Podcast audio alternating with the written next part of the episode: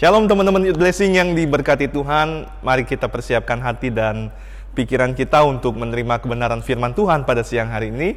Dan sebelum kita menerima berkat Tuhan siang hari ini, nanti C. Esther akan berdoa untuk firman Tuhan siang hari ini. Mari kita berdoa sama-sama. Tuhan Yesus yang baik, sekali lagi kami mengucap syukur buat kesempatan Tuhan pada saat ini kami boleh uh, berada bersama-sama Tuhan di dalam channel YouTube ini Bapak untuk kami akan belajar bagaimana mempersiapkan uh, pernikahan, mempersiapkan segala sesuatu yang berhubungan dengan pernikahan. Biarlah kiranya Tuhan hikmatmu ada dengan kami semua. Berkati uh, hambamu Ko Jeffrey juga hamba Tuhan. Biarlah kami dapat menyampaikan isi hatimu ya Tuhan. Dan biarlah Tuhan setiap kami dapat mendengarkan dengan baik. Kiranya Roh Kudus bekerja buat kami semua. Terima kasih Tuhan Yesus yang baik hanya di dalam namamu kami menyerahkan waktu ini. Haleluya. Amin amin nah minggu pertama kita sudah belajar tentang membangun sebuah hubungan atau pacaran yang sehat dan minggu kemarin kita juga sudah belajar tentang bagaimana menghadapi perbedaan dalam sebuah hubungan dan minggu ini kita sampai kepada satu topik yaitu tentang persiapan-persiapan apa saja yang perlu dilakukan baik secara pribadi ataupun secara gerejawi sebelum kita menuju jenjang pernikahan. Nah, tujuan dari pembahasan topik ini adalah supaya setiap anak muda yang sudah mulai beranjak dewasa, yang sudah mulai suka lawan jenis, yang sudah punya niat untuk menjalin hubungan atau bahkan menikah, memiliki pemahaman yang benar di dalam mencari pasangan dan memiliki persiapan yang benar di dalam menuju jenjang pernikahan. Karena dengan memiliki pemahaman yang benar, juga persiapan yang benar, dengan demikian akan meminimalisir hal-hal atau akibat yang tidak baik di dalam menjalin hubungan ataupun di dalam menjalani bahtera rumah tangga nantinya. Nah, di sesi ini kita akan fokus kepada persiapan-persiapan pernikahan, baik secara pribadi maupun secara gerejawi. Kejadian 2 ayat 23, lalu berkatalah manusia itu, inilah dia, tulang dari tulangku dan daging dari dagingku. Ia akan dinamai perempuan sebab ia diambil dari laki-laki. Nah, biasanya jika sepasang kekasih memiliki tujuan yang sama dalam membangun sebuah hubungan, lalu mereka juga dapat mengatasi perbedaan-perbedaan yang ada, maka tujuan akhirnya adalah pernikahan. Jadi pacarannya nggak muter-muter di situ aja atau hanya ngitungin tahun. Selamat hari jadian tahun pertama, tahun kedua, sampai tahun ke-10 nggak ada kejelasan. Ujung-ujungnya malah bisa bubar. Nah itu kan sayang-sayang ya kalian buang waktu, buang tenaga, buang pikiran, bahkan buang uang juga. Dan jangan bilang ya itu kan emang bukan jodohnya. Nah sebenarnya kalau kita peka lalu kita juga melibatkan Tuhan di dalam hubungan kita, maka dari awal kita sudah bisa tahu apakah dia itu jodoh kita atau bukan. Tapi kan kebanyakan orang hanya mengikuti hawa nafsu manusiawinya saja.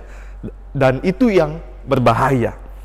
Nah, persiapan-persiapan apa saja yang perlu dilakukan sebelum pernikahan? Yang pertama, bagian yang pertama adalah persiapan secara pribadi. Dan persiapan secara pribadi ini dibagi menjadi beberapa poin. Yang pertama yaitu persiapan mental. Dalam 1 Korintus 7 ayat 3 berkata, Hendaklah suami memenuhi kewajibannya terhadap istrinya. Demikian pula istrinya terhadap suaminya. Nah, dalam ayat ini diperintahkan kepada suami dan juga istri untuk memenuhi kewajibannya masing-masing atau melakukan tanggung jawabnya masing-masing. Nah, bicara tentang melakukan tanggung jawab, maka salah satu faktor yang penting yang tidak boleh dilupakan adalah kesiapan mental. Nah, apa itu mental? Saya mengutip dari Kamus Besar Bahasa Indonesia, mental adalah hal yang bersangkutan dengan batin dan watak manusia yang bukan bersifat badan atau tenaga. Mental juga berkaitan dengan kejiwaan, kerohanian, moral, psikis, dan psikologis. Jadi mental itu sangat penting dipersiapkan sebelum memutuskan untuk menikah. Buat laki-lakinya apakah sudah benar-benar siap untuk berumah tangga? Apakah sudah benar-benar siap untuk bertanggung jawab atas istri Anda? Apakah Anda sudah siap dengan segala bentuk tanggung jawab yang harus dilakukan sebagai seorang suami? Apakah Anda sudah benar-benar siap menghadapi segala macam masalah, tantangan di dalam rumah tangga? Nah, pertanyaan ini juga berlaku untuk para wanitanya. Apakah Anda benar-benar sudah siap? Sebab jika mentalnya tidak siap, maka besar kemungkinan baik suami atau istri tidak akan memenuhi kewajibannya dan melakukan tanggung jawabnya dengan baik. Bahkan segala sesuatunya bisa berantakan. Ketika ada tekanan, ada masalah, ada perbedaan, akan terjadi kekacauan atau keributan dalam rumah tangga yang tidak bisa diselesaikan dengan baik, sehingga ujung-ujungnya tidak menutup kemungkinan bisa terjadi perpisahan. Dan ini yang tidak kita mau terjadi dalam hubungan rumah tangga anak-anak Tuhan. Nah, berbeda dengan pasangan yang memang mentalnya masing-masing sudah siap, ya mereka akan menjalankan kewajiban mereka dengan baik, dengan penuh tanggung jawab, sekalipun tidak ada yang meminta atau tidak ada yang menuntut. Bahkan jika ada perbedaan, ada keributan, ada masalah, itu bisa diselesaikan dengan komunikasi, bisa diselesaikan dengan pikiran yang jernih dan pikiran yang baik. Nah, bagaimana kita mengetahui mental kita sudah siap atau belum untuk menikah? berdoa dengan sungguh-sungguh dan diuji dengan benar-benar. Apakah kita sudah benar-benar siap secara mental atau itu hanya bersifat manusiawi kita semata-mata untuk menikah? Makanya pemerintah dalam hal ini sudah memperbaharui undang-undang tentang pernikahan Minimal usia untuk melakukan pernikahan yang awalnya bagi pria itu minimal 17 tahun dan bagi wanita itu minimal 16 tahun dirubah menjadi 21 tahun untuk pria dan 19 tahun untuk wanita. Tujuannya apa? Tujuannya yaitu untuk mempersiapkan mentalnya terlebih dahulu. Untuk mencegah semakin banyaknya pernikahan di usia dini bahkan kita mengetahui banyak juga terjadi perceraian di usia dini. Karena mental mempunyai peranan yang sangat penting dalam membina rumah tangga. Mental yang siap akan membentuk rumah tangga yang kuat, sedangkan mental yang tidak siap akan menghasilkan rumah tangga yang rapuh. Ya, sekarang kita masuk ke dalam persiapan yang kedua. Persiapan pribadi yang kedua adalah persiapan keuangan. Di dalam Lukas 14 ayat yang ke-28 mengatakan sebab siapakah di antara kamu yang kalau mau mendirikan sebuah menara tidak duduk dahulu membuat anggaran biayanya. Kalau-kalau cukup uangnya untuk menyelesaikan pekerjaan itu, Ayat ini menjelaskan tentang pentingnya sebuah persiapan atau perencanaan. Kalau di perikop ini dijelaskan tentang persiapan keuangan untuk membangun menara. Ada juga persiapan jika ingin berperang. Intinya dalam ayat ini adalah berbicara tentang persiapan atau perencanaan dalam melakukan segala sesuatu. Itu amatlah penting, termasuk di dalam mempersiapkan keuangan untuk pernikahan. Itu sangat teramat penting. Setiap kita pasti tahu ya bahwa yang namanya menikah itu butuh yang namanya uang. Ada yang namanya biaya lamaran, lalu ada yang namanya biaya untuk pesta dan masih banyak lagi biaya-biaya yang lainnya.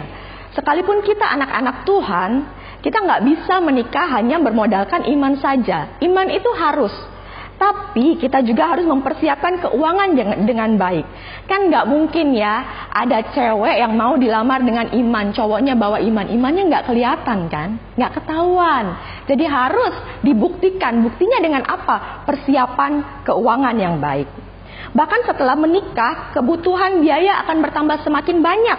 Kalau kita mau punya rumah, kita harus mempersiapkan keuangan dengan baik.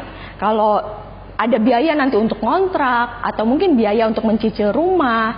Muncul juga nanti biaya ketika sudah menikah, ada biaya istrinya hamil, lalu melahirkan, lalu juga ada biaya setelah melahirkan, ada biaya untuk anak, pendidikan, makan, dan lain sebagainya. Biaya-biaya itu akan muncul di dalam rumah tangga. Oleh sebab itu penting sekali untuk mempersiapkan keuangan dengan baik sebelum menikah. Untuk pacaran mungkin bisa bermodalkan cinta, ya. Karena waktu awal-awal pacaran pasti yang ditanya, oh, yang di yang ditanya, apakah kamu cinta sama saya? Cinta? cinta ya. Hanya cinta, pacaran modalnya cukup cinta. Tapi untuk pernikahan harus punya persiapan keuangan yang baik ya, nggak cuman modalnya cinta. Emang bisa nanti kalau udah menikah beli sayurnya ke abang tukang sayur, bang bang boleh nggak bayarnya pakai cinta? Pasti nggak boleh nggak akan dikasih ya. Atau mungkin istrinya sakit, suaminya anterin ke dokter, suaminya bilang, dok, uh, saya nggak punya uang, saya bayarnya pakai cinta saya kepada istri saya. Wah nggak bisa juga ya. Ngontrak rumah juga nggak bisa bayarnya pakai cinta, harus pakai uang. Jangan punya pikiran, ah itu mah nantilah gimana aja, Tuhan pasti berkati. Mau punya uang, mau enggak, yang penting kita nikah dulu nih.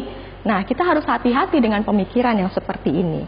Rumah tangga kita nanti bisa berantakan, bisa belangsak, bisa ribut karena masalah keuangan. Persiapan keuangan itu bahkan harus dipersiapkan jauh-jauh hari sebelum kalian pacaran, ya. Sebelum kalian memutuskan untuk menikah, mulai menyisikan gaji masing-masing untuk rencana masa depan kalian. Walaupun mungkin jodohnya belum kelihatan, tapi kalian harus punya persiapan keuangan yang baik ya. Sehingga cukup waktu untuk mengumpulkannya. Jangan tahun depan menikah baru mengumpulkan tahun ini ya. Itu sangatlah mepet. Jadi kalau bisa dikumpulkan dari jauh-jauh hari. Untuk ngumpulin uang kita belajar bijak dalam e, merencanakan segala sesuatu kita nggak menghambur-hamburkan uang hanya untuk hal-hal yang nggak berguna ya jadi belajarlah bijak untuk mempersiapkan keuangan sebelum menikah. Nah, hal ketiga yang perlu kita persiapkan adalah persiapan dari segi acaranya. Yang namanya pernikahan pasti ada acaranya. Ya. ya. Persiapan acara atau persiapan pesta tentunya juga sangat amat penting supaya acara pernikahan kita bisa berjalan dengan baik dan dapat diterima oleh kedua belah pihak keluarga. Karena yang namanya pernikahan itu melibatkan dua keluarga besar. Nah, oleh sebab itu kita sebagai uh, calon pria dan wanita ini harus bisa memikirkan sebuah konsep acara dengan baik, sebuah persiapan pesta dengan baik sehingga ketika pernikahan itu dilangsungkan itu bisa memberikan sukacita buat kedua keluarga besar itu bisa diterima dengan baik dengan lapang dada oleh oleh kedua belah pihak keluarga. Nah, oleh sebab itu e, perlu dibicarakan dengan baik di antara kedua keluarga sehingga terjadi kata mufakat di dalamnya. Kalau sudah mufakat kan enak untuk menjalaninya, ya. Disepakati tanggal pernikahannya, ya, disepakati mau pakai adat apa misalnya jika kedua calon mempelai ini dari suku yang berbeda Disepakati nanti siapa yang mau bikin pesta, apakah pihak cowoknya saja atau pihak ceweknya saja atau dua-dua pihak ini mau bikin pesta dua-duanya. Ya disepakati jumlah orang yang akan diundang. Ya jika memang eh, tempatnya terbatas atau keuangannya terbatas. Disepakati juga tempat pestanya di mana. Jikalau itu memakai sebuah gedung ya itu dipertimbangkan dengan baik-baik.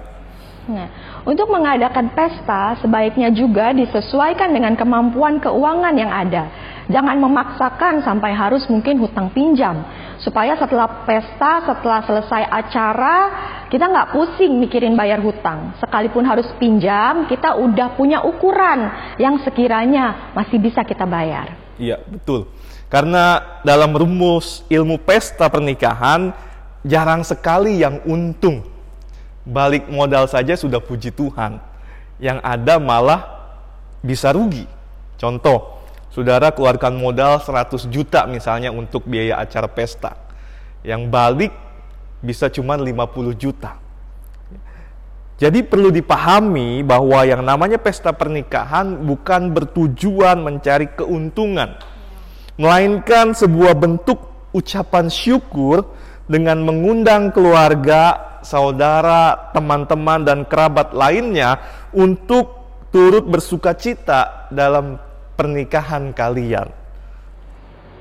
Oleh sebab itu, kita harus bijaksana dalam mempersiapkan segala sesuatunya, termasuk pesta pernikahan. Nggak usah gengsi, harus yang mewah, tapi kalau ujung-ujungnya banyak utang, ujung-ujungnya nanti kita susah, untuk apa? Lebih baik yang sederhana, yang sesuai kemampuan kita, tetapi bebas dari hutang, dan kita juga bisa bersuka cita di dalamnya. Kecuali kalau memang keuangan kita uh, mungkin sudah ada, ya itu boleh kita melaksanakan pesta sesuai dengan keuangan kita yang ada. Ya. Nah, yang berikutnya bagian yang kedua yang perlu kita persiapkan adalah persiapan secara gerejawi ya karena kita ini adalah anak-anak Tuhan, orang-orang percaya, maka uh, suatu sukacita besar jika pernikahan kita itu uh, diberkati secara gerejawi ya bukan hanya secara negara tapi yang lebih esensial bagaimana pernikahan kita itu sah di hadapan Tuhan. Nah, untuk pernikahan secara Kristen ya dalam hal ini kita denominasi GSJA, maka kedua mempelai baik pria dan wanita ini harus sudah dibaptis selam terlebih dahulu. Jika salah satu pasangan belum dibaptis atau belum menjadi Kristen, maka harus menjadi orang percaya terlebih dahulu, mengikuti kelas baptisan air dan dibaptis selam. Yang berikutnya adalah mendaftarkan rencana pernikahan kepada pihak gereja dengan mengambil formulir pernikahan terlebih dahulu. Ya sebaiknya ini dilakukan jauh-jauh hari sebelum tanggal pelaksanaan supaya pihak gereja bisa uh, mengatur segala sesuatunya dengan baik. Pengambilan formulir pernikahan minimal tiga bulan untuk pasangan yang satu gereja dan minimal enam bulan untuk pasangan yang tidak satu gereja atau jemaat baru. Formulir dan dokumen-dokumen lain yang sudah diisi segera dikembalikan ke pihak gereja. Yang selanjutnya adalah mengikuti wawancara dengan pihak gereja dan setelah itu mengikuti bimbingan pranikah sesuai dengan ketentuan dari pihak gereja. Berkoordinasi dengan pihak gereja tentang rencana ibadah pemberkatan nikah. Nah, itulah persiapan-persiapan yang harus disiapkan oleh masing-masing pihak, baik pria maupun wanita yang akan merencanakan pernikahan. Sehingga kelak perencanaan persiapan perencanaan nikah dapat dipersiapkan dengan baik dan rumah tangga yang dijalani akan menjadi rumah tangga yang berjalan baik, harmonis, penuh kasih, bisa menghadapi setiap masalah dan tantangan dengan bijak dan bahkan pernikahan anak-anak Tuhan bisa menjadi berkat buat pasangan lain dan buat orang lain yang ada di sekitar kita. Amin. Dan satu hal yang gak kalah penting nih, dengan semua persiapan yang kita lakukan adalah kita membawanya dalam doa kita bersama-sama menyerahkan seluruh rencana kita ke dalam tangan Tuhan yang penuh kuasa. Jadi, setiap pasangan pria dan wanita yang sudah mau memasuki jenjang pernikahan, kalian harus mempunyai waktu-waktu bersama untuk berdoa bersama demi mempersiapkan pernikahan tersebut, melibatkan Tuhan dalam segala sesuatunya. Karena itulah yang penting. Seperti yang dikatakan dalam Amsal 19 ayat 21, mengatakan banyaklah rancangan di hati manusia, tetapi keputusan Tuhanlah yang terlaksana. Jadi kalau kita sudah mempersiapkan segala sesuatunya dengan baik, kita juga harus membawanya seluruh perencanaan kita itu ke dalam doa kepada Tuhan, maka persiapan kita akan semakin mantap dan kita tahu bahwa Tuhan berjalan bersama dengan kita. Amin. Jadi kita tiba pada kesimpulan kita yaitu bahwa setiap pemuda atau pemudi Kristen perlu tahu bahwa konsep pernikahan anak-anak Tuhan berbeda dengan orang-orang yang belum mengenal Tuhan. Sebab pernikahan di dalam Tuhan hanya dilakukan satu kali seumur hidup Gereja atau pendeta hanya bisa melakukan pemberkatan nikah dan tidak bisa menceraikan apa pun alasannya. Hanya kematian yang dapat memisahkan sepasang suami istri. Oleh sebab itu, perhatikan dengan seksama persiapan-persiapan yang harus dilakukan sebelum melakukan pernikahan. Tadi kita sudah belajar persiapan pribadi meliputi persiapan mental, persiapan keuangan, persiapan acara. Lalu yang kedua, persiapan gerejawi. Kita sudah belajar tentang itu semua. Kiranya lewat kebenaran firman Tuhan yang sudah kita terima pada saat ini itu boleh menjadi pelajaran yang akan semakin meneguhkan kita di dalam kita mempersiapkan rencana pernikahan. Kita berdoa untuk firman Tuhan pada saat ini. Bapak di surga kami mengucap syukur dan berterima kasih karena Engkau sudah memberkati kami lewat kebenaran firman-Mu. Dan biarlah setiap anak-anak muda, setiap pasangan yang mendengar kebenaran firman Tuhan ini akan semakin teguh, akan semakin termotivasi, akan semakin yakin untuk mereka dapat mempersiapkan rencana pernikahan mereka, baik buat mereka yang sudah memiliki pasangan ataupun buat mereka yang sedang mencari pasangan. Kiranya Tuhan tolong, biarlah mereka dapat memegang kebenaran firman Tuhan ini sebagai pedoman, penuntun untuk menolong mereka di dalam mereka mempersiapkan pernikahan mereka kelak ya Bapak. Terima kasih Tuhan, kami berdoa dan mengucap syukur di dalam nama Tuhan Yesus Kristus. Kami berdoa, haleluya. Amin. Amin. Amin. Amin. Mm-hmm.